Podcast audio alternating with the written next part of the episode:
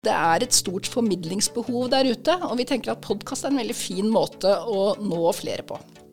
Ok, nå har vi satt opptakeren vår oppå et pledd, og så har vi laget et lite fort til den av puter, sånn som vi bygde da vi var små i stua.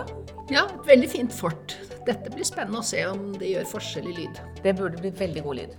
Ok, Så det vi skal gjøre, er vi skal brrrr. Er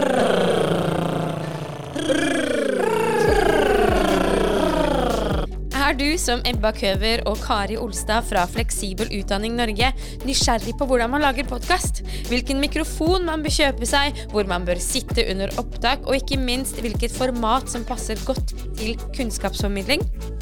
Da ønsker vi deg velkommen til Podskolen, der vi gjennom ti fartsfylte episoder skal følge disse to nybegynnerne, Ebba og Kari, mens de lærer seg alt det de trenger for å starte sin helt egne pod.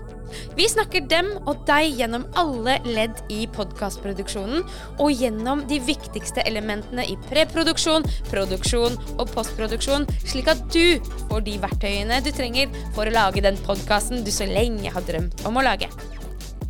Podskolen er laget av Lingu med støtte fra Epale. En flerspråklig europeisk plattform som er åpen for alle som jobber med voksnes læring.